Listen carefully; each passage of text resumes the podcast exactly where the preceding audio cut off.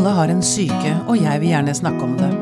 Det gjør jeg her, sammen med huspsykolog Karianne og en gjest. Dette er Pia om syke.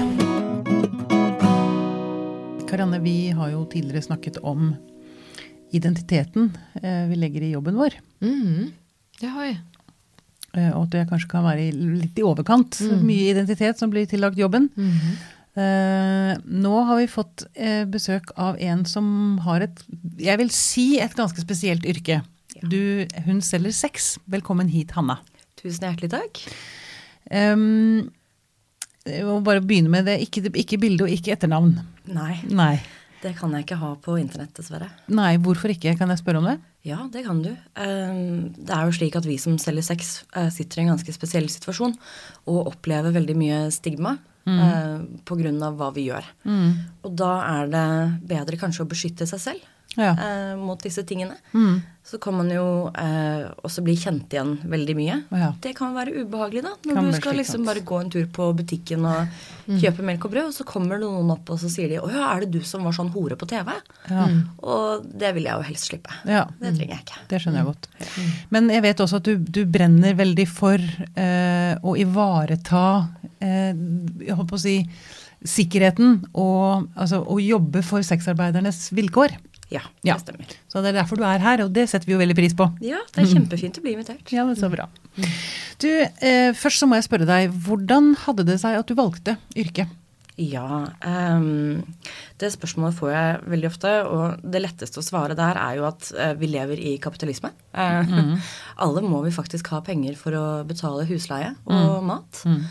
Og da Jeg gikk på universitetet da jeg begynte å strippe, og så begynte jeg senere å selge sex. Og da var det slik at det var lite tid og innsats inn i denne jobben som du ikke trenger en full mastergrad for å få, eller deretter ikke sant, seks måneder ubetalt internship for å få en sånn type lønn. Eh, og det gjorde at jeg kunne jobbe intensivt i helger og ferier, og under eksamensperioden så kunne jeg ta helt fri fra jobb. Kunne ha fri i tre måneder, jeg, om jeg så ville. Så det ble veldig praktisk for meg eh, å gjøre det på den måten. Og så er jo seksualitet noe av det mest spennende jeg vet om. Det er jo noe vi alle har, og noe vi snakker veldig lite om. Og det syns jeg er utrolig interessant. Og det å da få lov til å jobbe med kropp, og få lov å jobbe med glede, og få lov å jobbe med andre mennesker så intimt, det er jo noe av det, det fineste. Noe Ja. av det beste for Ja, meg. ja. Så jeg begynte vel fordi at jeg tenkte at ok, nå må jeg betale husleie og mat og sånn. Og så fortsatte jeg fordi det er så spennende. Det er så gøy. Det er jo helt eh, fascinerende. Men eh, helt sånn konkret, hvordan er dagene dine? Har du, er du faste kunder stort sett, eller? Ja, det er både og. Mm. dagene mine er eh, ganske ålreite. Jeg jobber jo ikke med sexvalg, holdt jeg på å si, hver dag. Jeg har ikke kunder hver dag. Eh, s- og jeg jobber jo også en del for eh, organisasjoner. Jeg reiser mye, sitter i en del paneler rundt omkring. Eh, så jeg tror at en helt vanlig, vanlig hverdag, det fins ikke. Eh, Nei. Men organisasjoner som- har med sexarbeid å gjøre? Ja, Ja. eh, sånn som Pion, som er eh, sexarbeidernes interesseorganisasjon. Mhm. Og så var jeg i Berlin for to uker siden eh, og hadde en workshop der. Og så skal jeg sitte i et panel i Sverige eh, om noen uker og snakke om lovverk. Så det, det Ja. eneste som er eh, tror jeg standard for meg hver dag, det er at jeg våkner opp, og så drikker jeg kaffe, og så hører jeg på P1. Ja. Men du, når du sier du er i Berlin på Du, du sa workshop, jeg mener jeg leste, leste på Twitter eh, at det var en konferanse. Ja. Sexarbeiderkonferanse. ja, det er riktig. Hva gjør man på en sånn en? Det er jo, det, må, det er jo veldig fascinerende, dette. Altså, ja. jeg må, det er jo en helt annen verden, liksom. Ja, det er klart det. Um, på en sånn konferanse så er det gjerne litt forskjellige panel eh, med forskjellige temaer. Og da kan det være sånn som her, at man snakker om sexarbeid og mental helse. Jeg var på en, uh, et, en workshop, vil jeg heller kalle det, når man alle bidrar litt. Og det handlet mer om ok, hva gjør du når du når en sånn type burnout? Altså når du på en måte møter litt veggen da, i sexarbeid. Hvordan tar du vare på deg selv da? Og da snakket vi mye om hvordan det kan oppleves. Vi snakket om hvilke virkemidler vi tar i bruk. Vi snakker om hvordan tar du vare på deg selv. Ja, hvordan gjør du det? Jeg tar jo en del tid alene. eh, og bruker mye tid på meg selv, som er hjemme. Jeg har eh, om lag nå har jeg vel 21 planter som jeg driver og steller og styrer med. Akkurat. Og det syns jeg er utrolig godt. Mm. Og det er sånn tid som jeg da reserverer ikke sant, for min egen del. Mm. Uh, jeg bruker også litt tid jeg, jeg har aldri vært så veldig opptatt av sånn sminke og, og dette her, men i det siste så har jeg skjønt at dette her å drive med ansiktsmaske eller å lakke neglene eller noe, bare noe sånn Bare ta litt tid og investere i deg selv, Ja. selv om det ikke er så mye. Og så er det det å snakke med, med andre sexarbeidere og dele de erfaringene. For det er eh, De forstår jo Ja. hva du går gjennom. De forstår hva det er. Og det at vi da bruker tid, vi møtes, vi spiser middag sammen, vi går på kino sammen. ikke sant? Disse tingene. Bare oss. Og da har vi et eget på en måte rom da, hvor vi kan ta opp ting som, som vi kjenner oss igjen i, og som kanskje hadde sjokkert andre. Vi kan være ufiltrerte. Og det trenger man også. Men hva, hva slags type ting er det, da? Det vil du kanskje ikke Hvordan mener du? Nei, når du som sier er- dere snakker om ting som kanskje ville sjokkert andre. Ja, altså Eller det er jo ikke veldig vanlig å snakke med alle og enhver om f.eks. Eh, analsex. Det er liksom ikke noe man, eh, man begynner å snakke om, spesielt i Norge, før folk har drukket eh, fire-fem pils. Ikke sant? Mens det er ting som vi kan snakke helt åpent om. Og andre ting med jobb. F.eks. å, jeg har en kunde som vil at jeg skal ta på meg disse skoene. Eller å, jeg har en kunde som maser så himla mye. Han sender meg 14 tekstmeldinger om dagen. Ikke sant? Og da kjenner vi det veldig igjen. Og bare det å snakke om sexsalg i seg selv kan være så betent for veldig mange at man orker ikke. Man tar det heller med hverandre. Hvor man umiddelbart møter forståelse. Skjønner. Mm. Du, jeg, jeg lurer på en ting. Når du møter kundene dine, tar du da på deg en maske? Spiller du en rolle, tenker du? Eller? Mm, Både ja og nei, men kanskje ikke mer det enn vi alle gjør på jobb. Jeg måtte jo også ta på meg en maske da jeg jobbet i bar, eller da jeg jobbet på gatekjøkken. Og da måtte jeg liksom Kunden har alltid rett, eh, osv., videre men det har de aldri i eh, sexsalg. Her er det vi som har rett. Sånn er Ja. det bare. Ja, okay. Og det også er en ganske stor befrielse, egentlig, fra å jobbe på gatekjøkken til å, til å selge sex. Eh, her er det jeg som setter eh, rammene og grensene og sånt. nå. På jobb så er jeg nok eh, Jeg er jo selvfølgelig hyggelig. Det må man jo være. Og du skal gjøre noe veldig intimt. Kanskje med noen du ikke kjenner så godt. Og da må man veldig fort prøve å, å finne ut ok, hva er det vi har til felles. Hvordan kan vi gjøre dette så bra som mulig for oss begge to. Så det er vel ikke så mye en maske som en modus du går inn i. Ja. Men det tror jeg er vanlig for de fleste når de er på jobb. Um, um, er det jeg håper å si, Er det mange forskjellige typer menn som oppsøker deg? Å ja. Selvfølgelig er det det. Mange forskjellige menn, og noen kvinner. Og noen kvinner. Ja, ja, Nettopp. ja. Eh, vi har kunder av alle aldre og samfunnslag. Ja. Eh, dette her har blitt spurt om før, og jeg syns at det eneste jeg har til felles, det er så himla mye Guns N' Roses-fan. Det. Akkurat den. Jeg skjønner ikke helt. Men det er liksom én ting Så morsomt. Så der, ja, akkurat. Nettopp. Ja.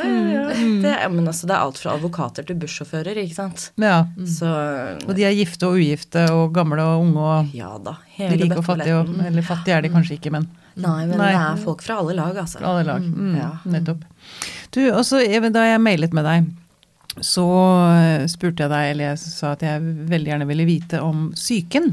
Altså hvordan, hvordan forholder man seg til altså, Som du sier, det er jo intimt, det du gjør. Og du slipper jo folk inn i noe som vanligvis liksom forbeholdes den man er gift med. Ikke sant?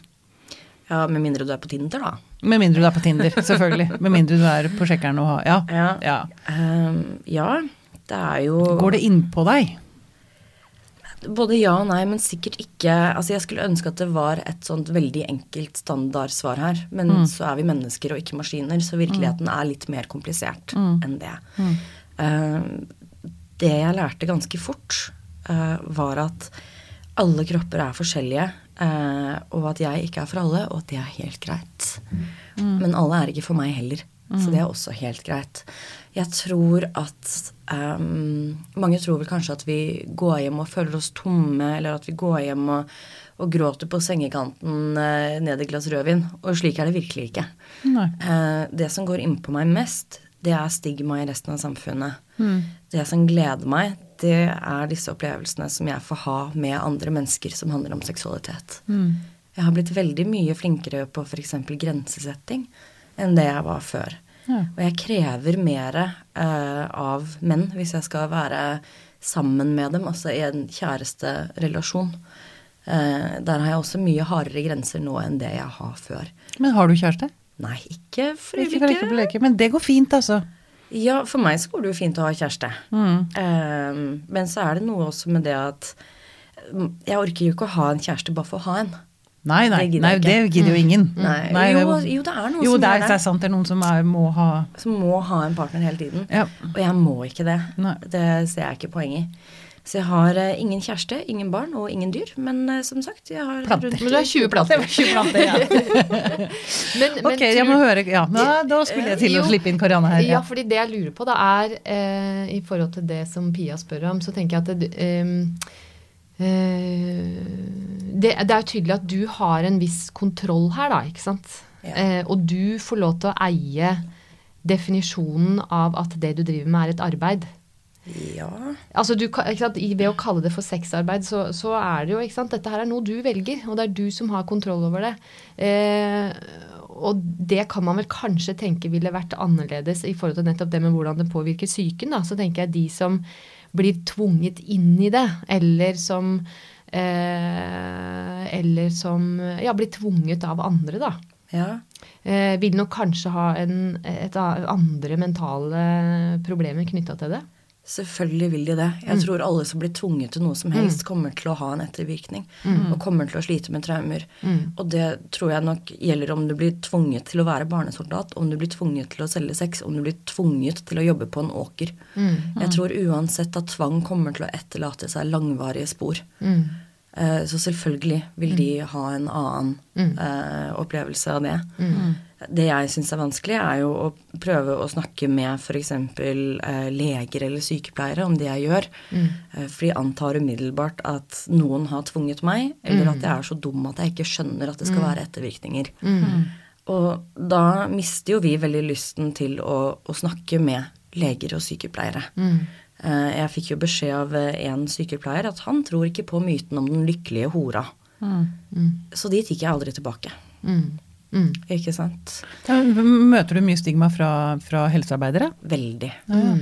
Jeg syns det er utrolig slitsomt. Det gjør jo at vi ikke oppsøker dem. Mm. Vi slutter jo med det. Ikke mm. sant? Og da mottar ikke vi den nødvendige helsehjelpen vi kan få. Mm. Jeg tror at uh, stigma vi møter i samfunnet, er en av de største barrierene til et uh, altså fullverdig og lykkelig liv. Mm. Vi mottar ikke den samme omsorgen som alle andre gjør. Mm. Det syns jeg er utrolig trist. Mm. Mm. Sånn skal det jo ikke være. Vi er allerede en utsatt gruppe.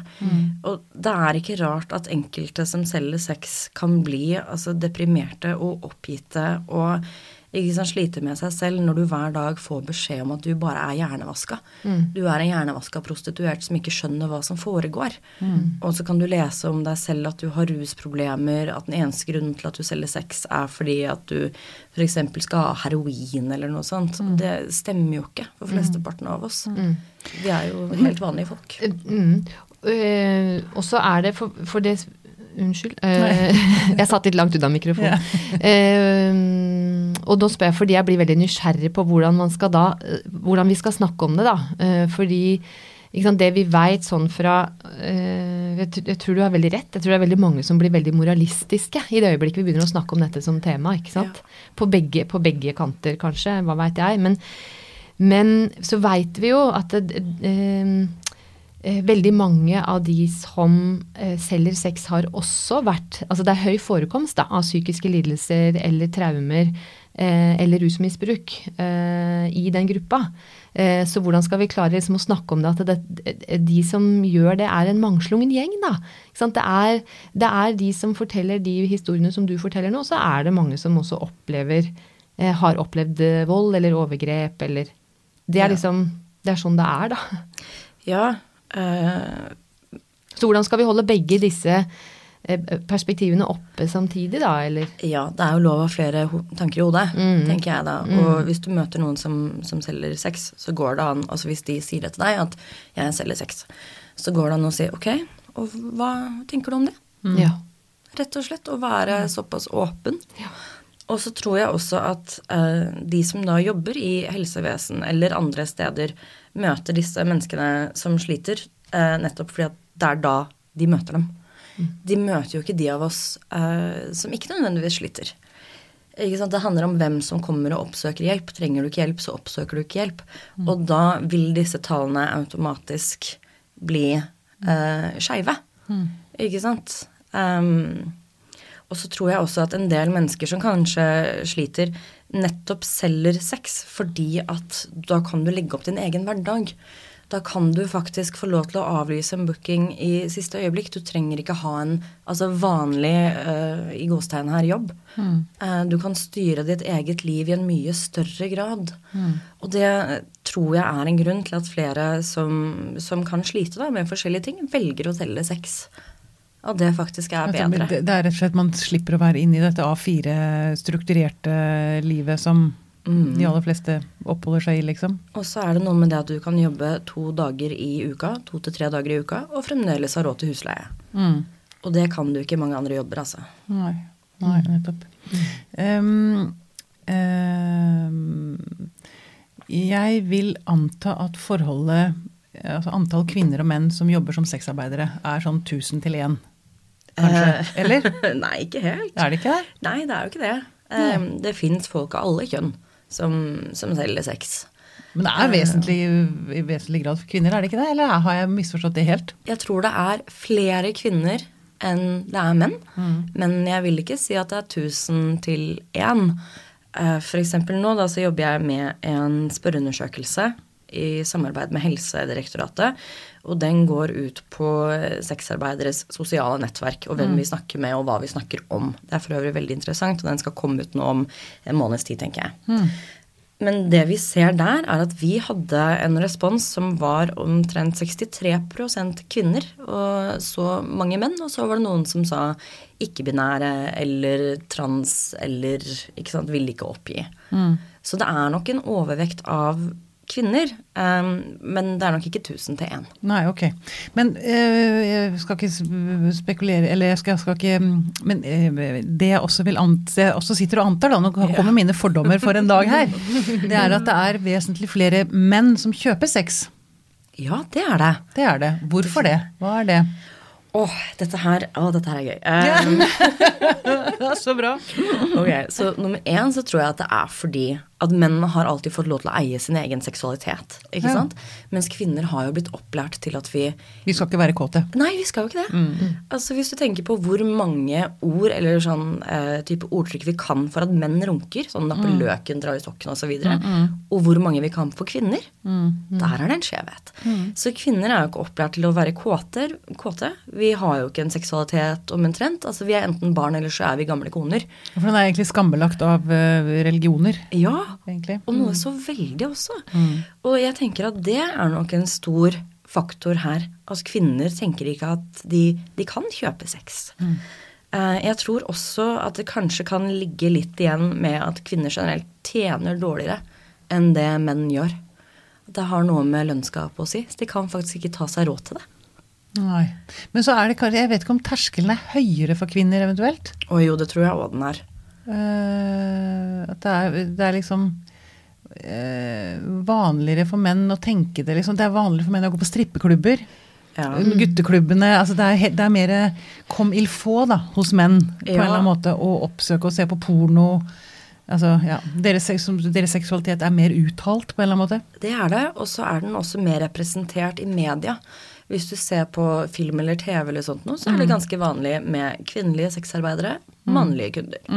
Hele tiden. Og dette narrativet, når det er så dominant, så kommer man ikke til det punktet at man som kvinne tenker at mm, kanskje jeg skulle gått og kjøpt sex. Men jeg har jo kvinnelige kunder, så jeg vet jo at de eksisterer. Ja, Ja. ikke sant. Mm. Um, mm.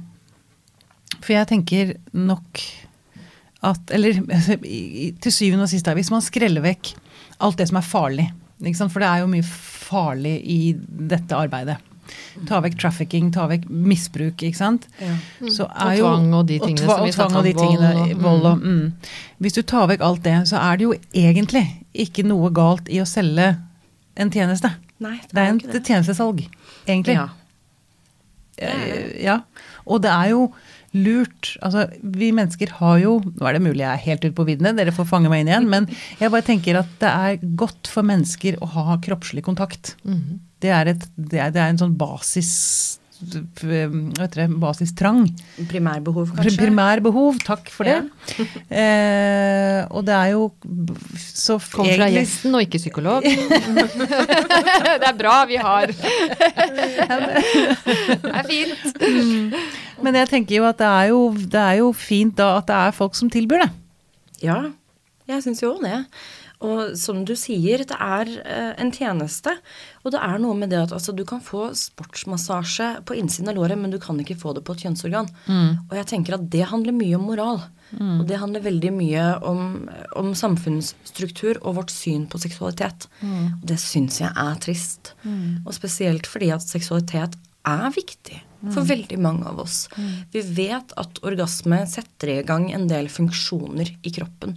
Vi vet at endorfin, serotonin, disse tingene er viktig for oss som mennesker. Uh, og noen ganger så handler det ikke så mye om sex med meg og mine kunder som det handler om dette samværet. Dette rommet og den tiden som vi lager for hverandre og med hverandre. Og jeg tenker altså Nå skal jeg være litt forsiktig her og ikke havne helt på viddene, men vi vet jo også at mange menn sliter med ensomhet. Mm. De sliter med dette her eh, presset, og de sliter med å finne en date, altså en kvinne, noen å være sammen med. Og det å da kanskje en gang i måneden eller en gang i halvåret ta seg råd til å bruke to timer med en kvinne som heller ikke forventer noe mer av deg enn enn det som er i denne kontrakten, da. Det er helt greit for dem.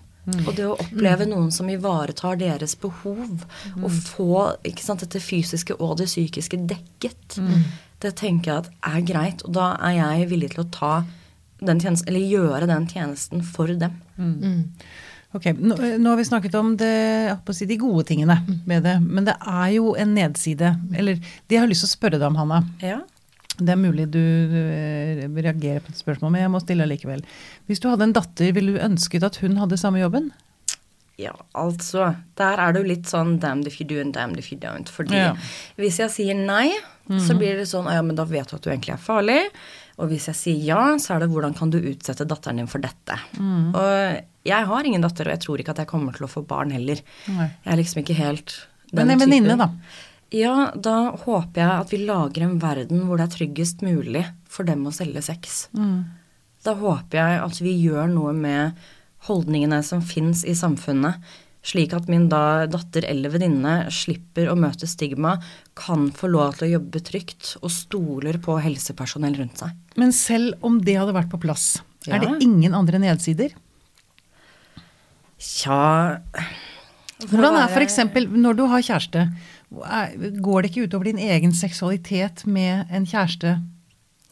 Nei, men, men det kan hende at jeg er litt latere sammen med kjæresten min. Det, Ja, men det må være lov, det må være luksus. Ja, noen ganger så er det jo sånn. Mm. Men jeg har jo hatt kjæreste mens jeg har jobbet med sex. Mm. Og det har vært helt greit. Og det er jo, og det tror jeg også gjelder i mange jobber, at når du går hjem, så går du hjem. Mm. Ikke sant? Jeg tror f.eks. ikke at du elsker dine egne barn mindre selv om du er lærer. Mm. Eller om du er eh, sykepleier, eller om du er psykolog. Jeg tror at vi alle klarer å sette noen grenser og skille mellom hva som er jobb, og hva som er privat og hjemme. Mm. Og det, jeg har jo hatt kjærester som har vært litt sånn Og jeg vet ikke.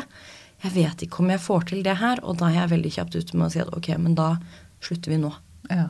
Dette her må du faktisk være klar for. Mm. Og det, det får også lov å være greit. Og som jeg sa i starten her, er at jeg kan ikke være for alle, og alle er ikke for meg. Og det er helt greit. Karianne, Mm. eh, hvil, hvilke, hvilke farer ser du Mm. ved å jobbe som sexarbeider? Mm. Ja, ikke sant. Det, eh, på en måte så er det eh, nesten litt det, Dette her er egentlig en vanskelig diskusjon, på en måte. Fordi eh, jeg tror i det øyeblikket Det er litt sånn som du sier, i det øyeblikket jeg sier det, så kan det også bli tolka som moralistisk, ikke sant? Mm, ja. av, den, av, av, deg, som da er sexarbeider og ikke kjenner det sånn. Og så tror jeg nettopp det at vi kanskje eh, kaller det for sexarbeid i seg selv, så tror jeg mange også kan tenke at men det å kalle det for det, er jo å fordekke over alle problemene som faktisk kan eksistere med det. Mm. Ikke sant? Sånn at da kan, så det, det, er ikke noe, det er ikke noe enkel eh, sak å diskutere det her, da. Fordi eh, men, men, men, samtidig så veit vi jo noe om det at eh, skiller man i for lang tid eh, mellom Så man spalter ut det som dreier seg om kjærlighet i forhold til seksualitet, så kan det føre til vanskeligheter for mange. Mm. Man kan kjenne at man mister integriteten sin, og man kan eh, kjenne at man kanskje etter hvert får flytte grensene og bli med på ting man ikke vil, sånn at man ikke klarer å ha kontroll over sitt eget seksualliv. Eh, man kan få vanskeligere med relasjoner og knytte seg relasjonelt. Eh, det er jo ting som kan oppstå, og som kan skje. Mm. Ja, um, jeg har liksom to svar. Uh, og ja, det første er isteden jeg, jeg skjønner at mange ikke har lyst til å si sexarbeider, og det må få lov til å være greit, det òg. Mm. Uh, det som går an å si, er personen som selger sex, eller folk som selger sex. For det er ganske nøytralt. Ja, det er det. Mm. Ja. Mm. Uh, jeg tror ikke man skal si hore. Jeg, jeg, vet ikke om man skal si prostituert heller. Mm. For det ordet fungerer dårlig. Når du sier 'hun ble prostituert', så vet man ikke helt hva man mener. Mm. Ikke sant? Var hun noe annet før, og nå er hun prostituert? Ble hun prostituert av noen andre? Mm. Ikke sant? Og det ligger veldig mye stigma i det ordet. Mm. Eh, så jeg håper at det er et ord man på en måte kan fase ut, og så kan man heller si 'person som selger sex'. Eh, jeg, når det kommer til grensesetting, så opplever jeg nå at jeg setter hardere grenser enn før, for jeg vet nøyaktig hva jeg vil ha. Mm. Jeg vet også veldig godt hva jeg ikke er villig til å tilby. Mm. Og sånn er det for veldig mange. Um, noen av de menneskene som jeg selger sex til, får man jo, eller får jeg, da, et sånt ikke et romantisk forhold til, men definitivt så oppstår det jo kjærlighet der. Kanskje i vennskapsform. Eh, da er spørsmålet min om du utgjør omsorg for eh, kundene dine. Ja, jeg gjør jo det. Og hvis du møter en person en gang i uka i et år, mm. så begynner man jo å kjenne hverandre. Mm.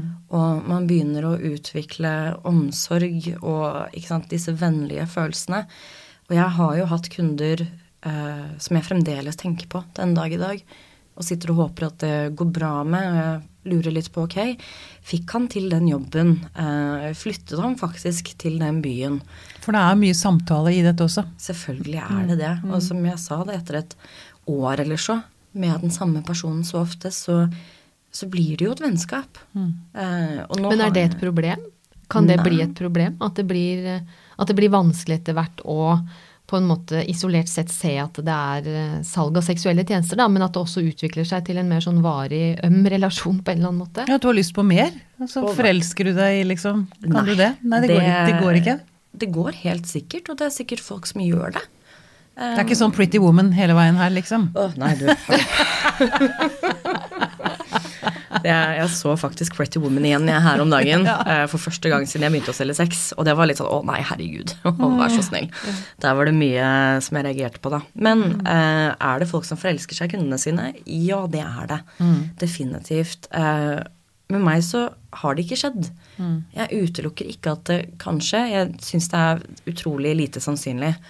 Uh, men jeg er også litt sånn du skal aldri si aldri, ikke sant.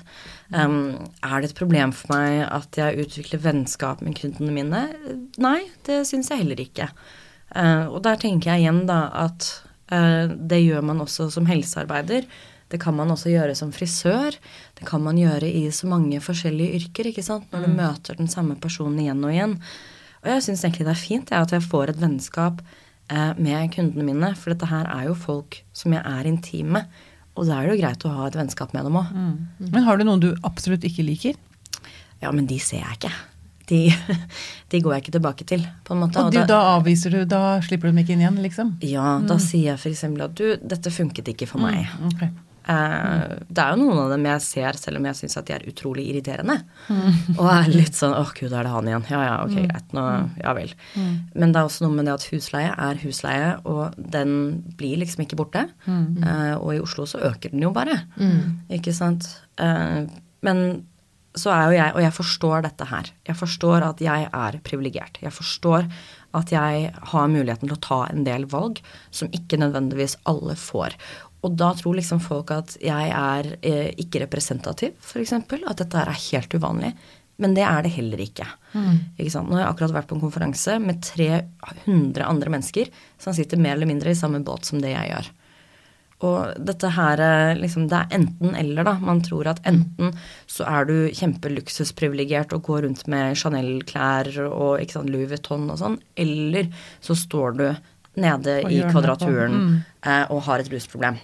Og har en, en slem bakmann, ikke sant. Mm. Og denne enten-eller-tenkningen tror jeg ikke at løser problemer eh, for noen av oss. Og jeg tror at det bidrar til mer stigmatisering, og jeg tror også at det gjør at vi får dårligere hjelp, da. At det utvikles for dårlige hjelpeprogram, for dårlige retningslinjer. Så vi møter ikke folk i de situasjonene de står i, og da klarer vi heller ikke yte omsorg til de menneskene som selger sex, og som trenger det. Så de får ikke den hjelpen de trenger, de heller, hvis vi har denne Uh, enten-eller uh, veldig på hver sin side-tenkningen, da. Men det er, og det er jo sant? En ting er stigma i samfunnet for øvrig, da, men jeg tenker sånn fra helsearbeidere så skal det jo eh, de facto ikke eksistere helst, ikke sant? Fordi vi er jo bundet opp av en fagetikk som innebærer om jeg hadde hatt en pasient i terapi som hadde stjålet, som hadde jugd, som hadde solgt sex, som hadde vært utro, eh, så, så er, har ikke moral noe å gjøre inn i det terapirommet. Nei, men ingen av oss er immune uh, mot stigma og samfunnstanker. Det er det, og jeg skulle virkelig ønske at helsearbeidere var det. Det hadde gjort livet mitt utrolig mye lettere hvis uh, helsearbeidere var på den måten, også hvis politikere var på den måten. Uh, det hadde også vært veldig ålreit. Um, vi har jo også opplevd Jeg har en, en venn som gikk til, til psykolog, og hun fikk beskjed om at psykologen ville ikke møte henne så lenge hun solgte sex. Eh, For han mente da at da gikk hun og solgte seg for å betale han eh, for disse psykologtimene. Så da har vi altså helsepersonell som nekter å hjelpe folk som selger sex pga. egne moralske tanker. Sånn kan vi ikke ha det. Jeg hadde jo også en eh, fastlege som jeg sa til da hva jeg gjorde. Og så så hun på meg, og så sa hun Å ja, jeg hadde jo ikke trodd at du eh, var en sånn prostituert. Og jeg var litt sånn Unnskyld, kalte du meg stygg? Ikke sant? For det, det er det for meg. Altså, vi har disse tankene om hvem de prostituerte er, hvem disse som selger sex er. Og de stemmer så veldig lite med virkeligheten. Da. Jeg syns det er så altså Nå vet jeg at jeg gjentar meg selv bitte litt her, men når vi opplever den type stigma og fordommer fra helsepersonell, så slutter vi å gå dit. Og sånn skal vi jo ikke ha det. Og vi sier så ofte at folk som selger sex, de trenger hjelp, og de skal liksom motta den samme omsorgen. Og så er det ikke det som skjer i praksis. Det er også mye sånn eh, nesten overomsorg. At liksom du kommer inn der, og så er du ærlig om at du har solgt sex, og så begynner folk nesten å grine, altså. Og er sånn 'Å, stakkars deg', og 'faren din må ha slått deg', og 'moren din var narkoman'. Jeg bare eh, Nei. Eh, faren min er en blikkenslager, og moren min eh, er ikke så dum, hun heller. Altså. Hun har vært eh, kommuneansatt, og hun har en ganske Jeg kan faktisk ikke si hva moren min jobber med akkurat nå, for da er hun gjenkjennelig. Eh, hun har en veldig bra jobb, ikke sant? Så Men det er vel litt av hele poenget her er vel å kunne klare å snakke om dette eh, med et mangfoldig perspektiv, da, som du sier, å ha flere tanker i hodet samtidig. Eh, fordi eh, altså, i det øyeblikk man hører noen som selger sex, så, så er det ikke dermed sagt at vi vet hvem den personen er. Fordi, fordi det er jo også, jeg kan jo se en ting er, ikke sant, Nå vet jeg at jeg blir litt sånn djevelens advokaten som prøver å se om det som kan være utfordrende, da. Men, men ikke sant, en ting er at vi vet at det er Ok, la oss ta unna det som er med vold og tvang. ikke sant, Det er både du og jeg og alle enige om at det er det ingen som øh, syns er noe bra å oppleve. Men, men det er jo også kanskje nå det er mer et sånn samfunnsproblem, da. Hvis, hvis det er sånn at noen blir tvunget inn i dette, ikke fordi noen andre tvinger dem, men fordi de har et utenforskap, fordi de ikke har jobb. ja. Fordi de ikke har eh, fått tatt utdanning, fordi Mm. de ikke tjener nok penger, og så blir de tvunget inn fordi dette er noe alle for så vidt kan gjøre. Så hvis noen blir liksom Det er jo en utfordring. Jeg er helt enig med deg, og jeg tror at det viktigste vi kan gjøre, det er fattigdomsbekjempelse. Ja, Det er jo det jeg ha- hører her. Ja, hvis vi skal ha folk ut av sexindustrien, Mm. så må vi starte med fattigdom. Eh, hvordan det skal gjøres, er kanskje ikke min oppgave her i dag. Jeg er ikke samfunnspolitiker. Men jeg tenker at eh, disse menneskene trenger penger til husleie. Så boligprisene skulle vi helst ha gjort noe med. Disse menneskene trenger penger til mat. Ikke sant? Og veldig mange har f.eks. barn. Eh, og opplever at eh, barna må ha innesko og utesko og tursko og gymsko og støvler. Ikke sant? Gaver til bursdager de skal være med på. Og ferier, ikke sant. Fordi det er denne her, ja, hvor var du i sommer? Eh, ikke sant. Så har det ikke vært noe sted. Så det er dette statusjaget. Så fattigdomsbekjempelse er nummer én og må være førsteprioritet hvis du skal ha folk ut av sexindustrien. Og når vi har sagt det, så må vi også øke stipendet for studenter. Eh, slik at folk som studerer, slipper å selge sex ved siden av hvis de ikke vil det. Nå er, stu, nå er vel student, eh, si, studielån og stipend på 7700 i måneden. Et vanlig rom i et kollektiv i Oslo går for 8000. Men si meg, hvis det hadde vært sånn borgerlønn, da. Hadde du slutta? Eh, hadde jeg sluttet å ha sex? Eh, Nei, nei. slutt å selge. Men hvis alle Altså, hadde det vært penger involvert? Ja, kanskje. Altså hvis det er noe jeg sparer til, f.eks. Mm. Sånn som nå, så selger jeg jo sex fordi jeg sparer til noe. Ikke sant? Eh, så ja, antageligvis. Men det er kanskje litt som å spørre altså, Hadde du slutta å- Det vært deilig å slutte å jobbe, liksom. Ja. Hvis du bare fikk, fikk alle pengene du hadde, hadde du slutta å jobbe. ja, ikke ja, sant. ja. Det er litt sånn, ja, kanskje. Mm. Men du, gå tilbake til dette med stigma. Ja. Em, hva er det mest sårende du hører? Oi. Åh, det verste spørsmålet jeg får, er den derre hva er det verste som har skjedd? Å ja. Og det er litt sånn Skal du drive og grave i traumene til folk? Altså, unnskyld deg. Dette kan du jo fint la være med. Um, ellers så er det jo den der at jeg ikke forstår, da. uh, hvor, uh, hvor skadelig dette kommer til å være for meg. Og jeg er litt sånn, vet du hva, jeg har opplevd ganske mye her i livet. Uh, I forskjellige situasjoner. Og av alle jobber jeg har hatt, så er det en grunn til at jeg fortsetter med denne etter så mange år. Hvor mange år har du jobbet som det? Syv. Ja, Hvor gammel er du? Nå fyller jeg 31 eh, om Er det åtte dager? Ja. Gratulerer med dagen. Tusen Forskudd. takk! Jeg gleder meg faktisk. Jeg har allerede kjøpt inn bursdagskrone til meg selv. Så bra. Så det Så bra. Du har kjøpt en krone til deg sjøl, så tenkte jeg hver dag er en fest og jeg et smykke, eh, som Mari Ben sa. En veldig Ja. fin, eh, fin levesetning. Ja. Ja. Ta den på. ja, altså jeg trives jo litt sånn med det da, feire bursdag og være med venner og det syns jeg er veldig ålreit. Eh, en annen ting er jo folk som spør sånn åh, æsj, hva sier moren din til det? Ja. Uh, moren min sa jo ok, det var jo ikke helt det jeg hadde planlagt for deg, men uh, her er vi. Her er vi. Ja. Ja vel. Nettopp. Så jeg tror det viktigste for øvrig for moren min er at jeg er trygg. Mm. Det er det hun bryr seg mest om. Ja. Uh, men samtidig, altså når jeg var 14 år, så kom jeg hjem med piercing i nesa. Og når jeg var 16, så hadde jeg tatovering. Og når jeg var 17, så kom jeg hjem med jentekjæreste. Så hun er litt sånn ferdigsjokkert, tror jeg. Det er liksom eh, Ja. Det er akkurat den er grei. Mm. Men du, hva skulle du ønske mm, eh, Du har jo vært inne på det. eh, lovgivningen, ville du endra noe der? Ja, definitivt. Og der tenker jeg at det aller viktigste akkurat nå er hallikparagrafen slik som den står. Okay. For den gjør det umulig for oss å jobbe sammen. Vi har ikke lov til å jobbe fra samme leilighet. Og vi har ikke lov til å ansette noen som sikkerhet. Vi har ikke lov til å kjøre og hente hverandre på jobb. Ikke sant? Vi har ikke lov til å gjøre disse tingene. Og det syns jeg Altså, dette her er jo direkte imot vår sikkerhet. Vi kan ikke ha det sånn. Uansett hva man tenker og mener om kjøp og salg av sex, så burde man jo ikke med vilje og viten gjøre det vanskeligere og mer utrygt for oss. Vi må jo streve etter en verden der hvor folk som ikke vil selge sex, kan få lov å slippe, og der de som vil, kan få lov å jobbe trygt. Vi kan ikke gjøre det slik at sexarbeidere er så utsatt for vold som det de er akkurat nå. En annen ting er jo med sexkjøpsloven at politiet går jo etter oss, ikke sant, for å ta kunder. Så vi er jo overvåket, og vi, er, eh, vi møter så mye stigma. Så kom jo denne Vista analyserapporten i 2014, var det vel. Og den fant jo at eh, stigma har økt så mye at politiet nå i større grad enn før trakasserer sexarbeidere. Så her må det en holdningsendring til. Her må vi faktisk ta tak. Hvorfor er det blitt verre?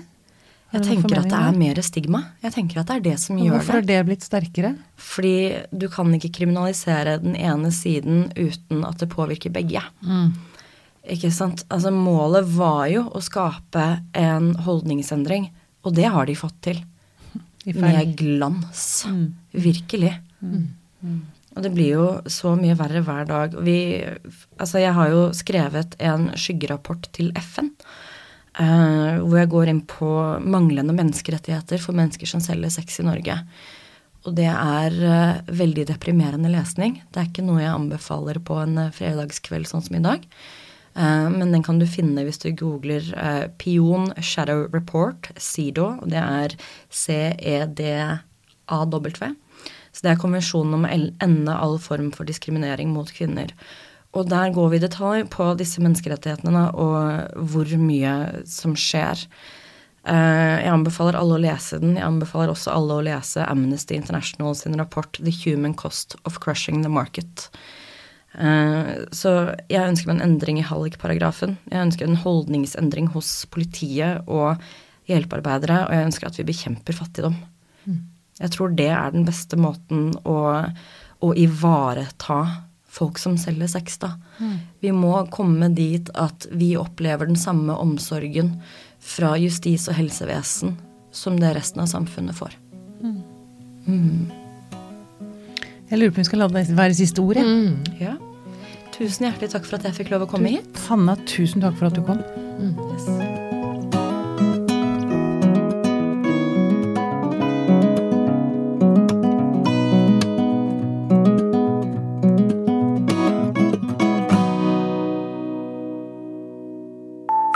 Podkasten er produsert av Tid og Lyst. Med støtte fra Ekkos legat.